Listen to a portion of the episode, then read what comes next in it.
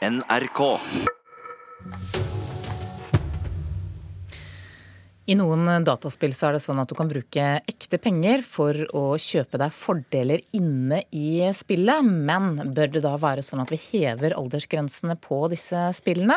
Nei, mener Europas største sensurorgan for dataspill. Men det står i kontrast til det norske myndigheter ønsker. De vil nemlig at enkelte former for slike kjøp skal bli definert som ulovlige i en ny pengespillov.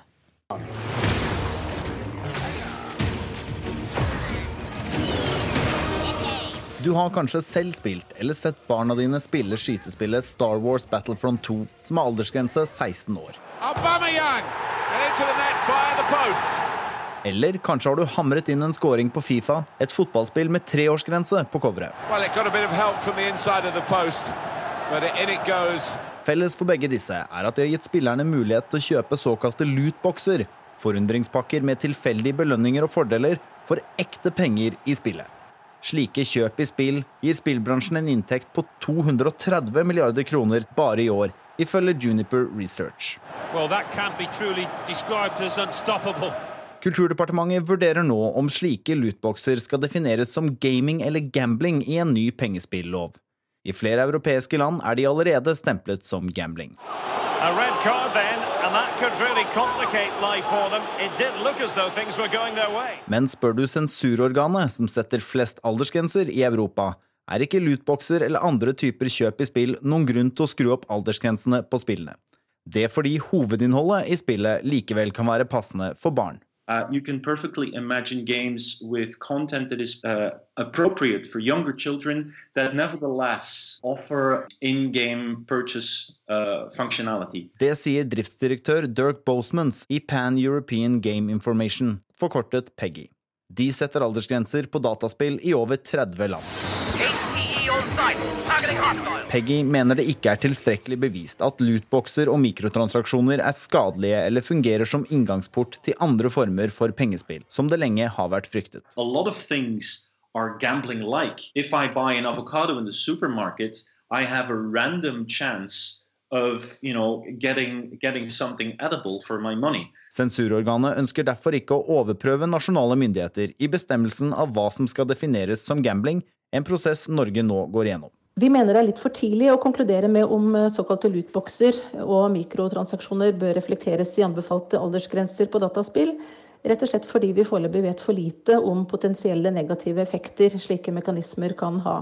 Det sier leder Mari Welsand i Medietilsynet, som mener spillindustrien selv må ta ansvar. Og så er det ikke minst viktig at foreldre setter seg godt inn i problematikken, snakker med ungene sine om det, og har tydelige regler for hvordan de skal forholde seg til kjøp i spill. At foreldre må være sensurorgan for barnas kjøp i spill, sier foredragsholder Jan Erik Kroglund i interesseorganisasjonen Barnevakten seg helt enig i. Han sier en økning fra Peggy uansett ikke ville spilt noen rolle, fordi organets aldersgrenser bare er veiledende, ikke juridisk bindende. Nei, altså Hadde PG-merkinga vært sånn at den hadde vært absolutt, så hadde det vært noe for seg. Men så lenge den er en anbefalt aldersgrense, så, så det, det er som å ikke kjøpe øl til noen hvis det hadde vært anbefalt aldersgrense på øl. Det, altså det, der er en absolutt aldersgrense. Reporter her, det var Øystein Tronsli Drabløs.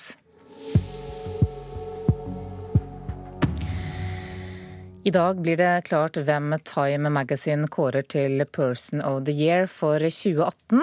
Hvert eneste år siden 1927 har det amerikanske nyhetsmagasinet pekt på én person som har preget det året vi har lagt bak oss, enten det er på godt eller på vondt. Både Adolf Hitler, pave Frans, ebolabekjemperne har eh, fått denne utnevnelsen, og det har faktisk også datamaskinen. Og kulturkommentator Agnes Moxnes, i går så offentliggjorde altså Time Magazine en kortliste over ti kandidater som kan få denne utnevnelsen. Hvem er de mest interessante på den listen? Altså Erfaring så vet man vel at de som fortsatt er aktuelle nå på tampen av året, ofte stikker av gårde med denne litt sånn prestisjetunge utnevnelsen, da i alle fall når det er, går i en positiv retning, når det er tenkt positivt. Og, og eh, i så henseende så vil jeg tro at Robert Mueller, altså spesialetterforskeren som jo nå sitter og, og jobber med, fortsatt jobber med hva som skjedde i forholdet mellom Russland og USA under Trumps valgkamp. Han er jo en av dem Trump tvitrer oftest eh, om, og der skjer det jo ting hele tiden. Så han er nok et, et brennhett navn til å få bli årets eh, navn fra Time Magazine. Eh, men jeg vil også tro at Jamal Khashoggi, altså den saudi-arabiske journalisten som ble drept i Istanbul i begynnelsen av oktober, eh, er et eh, interessant navn fordi drapet på han viser både liksom forbindelsen til mellom Saudi-Arabias kronprins bin Salman og USA, både presidenten og presidentens svigersønn. Det påvirker olje oljeprisene, og det har jo til de grader fortalt oss hvor liksom, tett på eh, den internasjonale overvåkningen går. Det er jo bare et par dager siden vi fikk høre at hans siste replikk var at han ikke kunne puste. Men hva er kriteriene egentlig? Da vi hører at både Adolf Hitler og pave Frans eh, har eh, fått denne tittelen. Altså, det moderne navnet på, på, hvem som får denne eh, utnevnelsen eller tittelen, det er jo en influenser. Altså at det er en influenser eller en påvirker i det internasjonale samfunnet, og en som påvirker både på godt og på, på vondt. Det er ikke så mange kvinner på denne listen. da. Eh, av 91 personer som har blitt kåret til Person of the Year, så er det bare fire kvinner. I år så er det to på denne kortlisten. En av dem sto for det som mange kanskje mener er det mest romantiske øyeblikket i året som gikk. I, Megan, take you, Harry. To be my husband. To be my husband. To have and to hold. To have and to hold. From this day forward. From this day forward. For better, for worse. For better, for worse. Till death us do part. Till death us do part. Agnes Moxnes, er det typisk at eh, en av dem som faktisk står på kortlisten, er eh, kvinnen som gifter seg med prinsen. Ja, det er jo Askepott-historien, da, som tok inn den amerikanske Askepotten som tok innersvingen på både den britiske prinsen og på hele tabloid eh, Storbritannia og England. Eh, Meghan Markle er på denne lista, men, og den andre kvinnen som er der, er Christine Blasey Ford. Og hun er jo liksom offer for eh, et, et, det hun mente var et seksuelt overgrep fra han som eh, ble utnevnt til ny høyesterettsdommer i USA, nemlig Brett eh, Kavanaugh. Så det er altså kvinnene på årets liste. Vi får svare på hvem det blir klokka 13 i dag. Hvem holder du en knapp på? Nei, Robert Mueller vil jeg tro ligger godt an. Altså Donald Trump er jo også på, på denne lista. Han fikk det jo denne eh, ble, Endte jo på første siden av Time Magazine i 2006. Kunne også endt der i 2000 og, nei, 2016. Kunne også endt der i, i fjor. Eh, men vi, dette får vi jo vite nå om bare seks-sju timer. Vi følger med. Du kan eh, se hvem det blir i våre sendinger, eller høre og se ut, utover dagen. Takk skal du ha, kulturkommentator Agnes Moxnes. Nå skal vi snakke om det som blir kalt et gigantkrav. TV-distributøren Riks-TV kan måtte betale over 100 millioner kroner i erstatning. Og hva er grunnen til at de risikerer dette her, kollega Vegard Kjørom? For to uker siden så tapte Riks-TV eh, en rettssak i Høyesterett. Eh, og Det var musikkrettighetsorganisasjonen Tono som gikk til sak mot eh, TV-distributøren.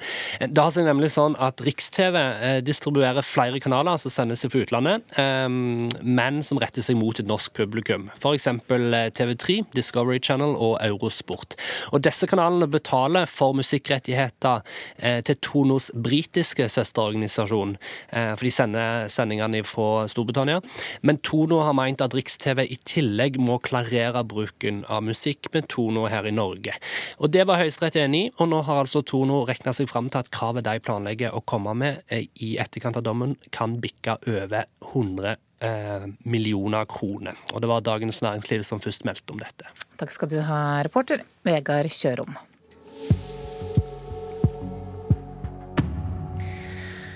Nå til eh, et tema vi ikke snakker så om så veldig ofte her i Nyhetsmorgen, nemlig undertøy. De siste ukene har vi hørt at eh, undertøyskjeder som Victoria's Secret f.eks. ikke gjør det så bra økonomisk. Og kan det være sånn at metoo-bølgen har hatt en påvirkning på motebildet? Kunst, motekultur, historiker og spaltist i Morgenbladet, Ragnhild Brochmann, god morgen. God morgen. Du mener at metoo-kampanjen kan ha vært med på å dempe kvinners interesse for å bruke stringtruser og pushup-bh. På hvilken måte? Nei, altså det er jo noe med at denne interessen for et uh, undertøy som uh, ikke så eksplisitt viser fram erotisk kapital, den har jo ligget i motebildet ganske lenge. Det har vært trekantbikinier, høye, behagelige bomullstruser, veldig mye mindre string, veldig mye mindre push, mindre blonder, mindre spiler, mindre seletøy, rett og slett. Mindre holdt kropp.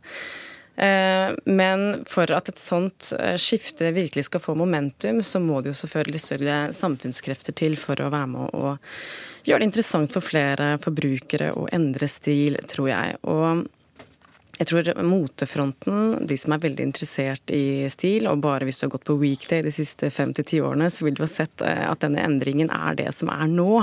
Dette er det nye, sammen med en, eh, en lag-på-lag-stil, en mer androgyn stil, eh, en mer kjønnsnøytral stil, ikke minst.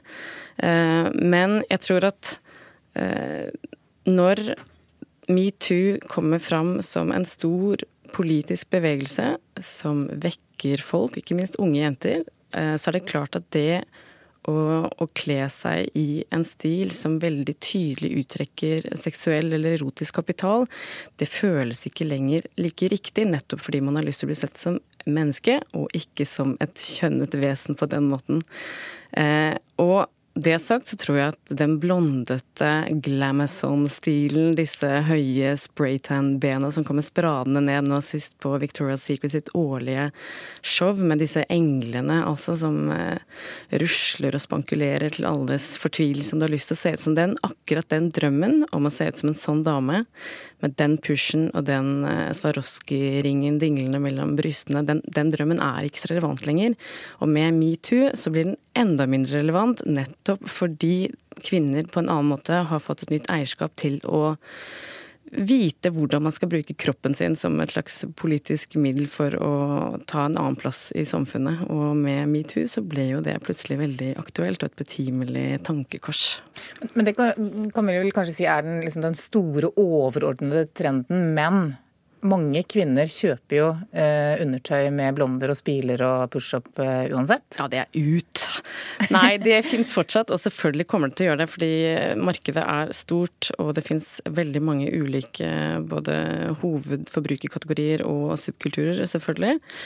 Men det som er interessant, og tilbake til hvordan mote alltid, alltid speiler samfunnet, så er det jo Vi har jo lenge sett en, en ny og kraftig feministbølge. Vi har en helt annen interesse for klimasaken bare økologi som en ting å putte på trusene dine er, eh, er et kulturkapital i seg selv. Altså, kan du si at eh, dette er eh, produsert av hender som har det godt i den fabrikken de jobber, og bomullen kommer fra et sted hvor jorda har fått gode kår, så er det, det er kapital, og det er en identitet som en forbruker er mer interessert i å kjøpe seg inn i akkurat nå enn en polyesterblonde som koster alt, altfor mye. Og det er det jo mange forbrukere som sier om Victoria's Secret akkurat nå også, at kvaliteten leverer ikke på den prisen, eh, fordi den er relativt mye høyere enn ja, la oss si Cubus i Norge, som er ganske OK undertøy. Eh, og, og den er eh, den, den, tilbyr nå en ovenfra og ned-virkelighet som veldig mange inn i et mer mangfoldig ikke minst mer mangfoldig moteverden, som er mer opptatt av ulike kjønnsidentiteter, etnisiteter, kroppsfasonger så passer denne Victoria's Secret-drømmen eh, og også disse plaggene og måten det pakkes inn på, den passer litt dårlig med, med de menneskene vi har lyst til å være akkurat nå. Ragnhild Brochmann, historiker og spaltist i Morgenbladet, takk for at du kom hit til eh, Nyhetsmorgen.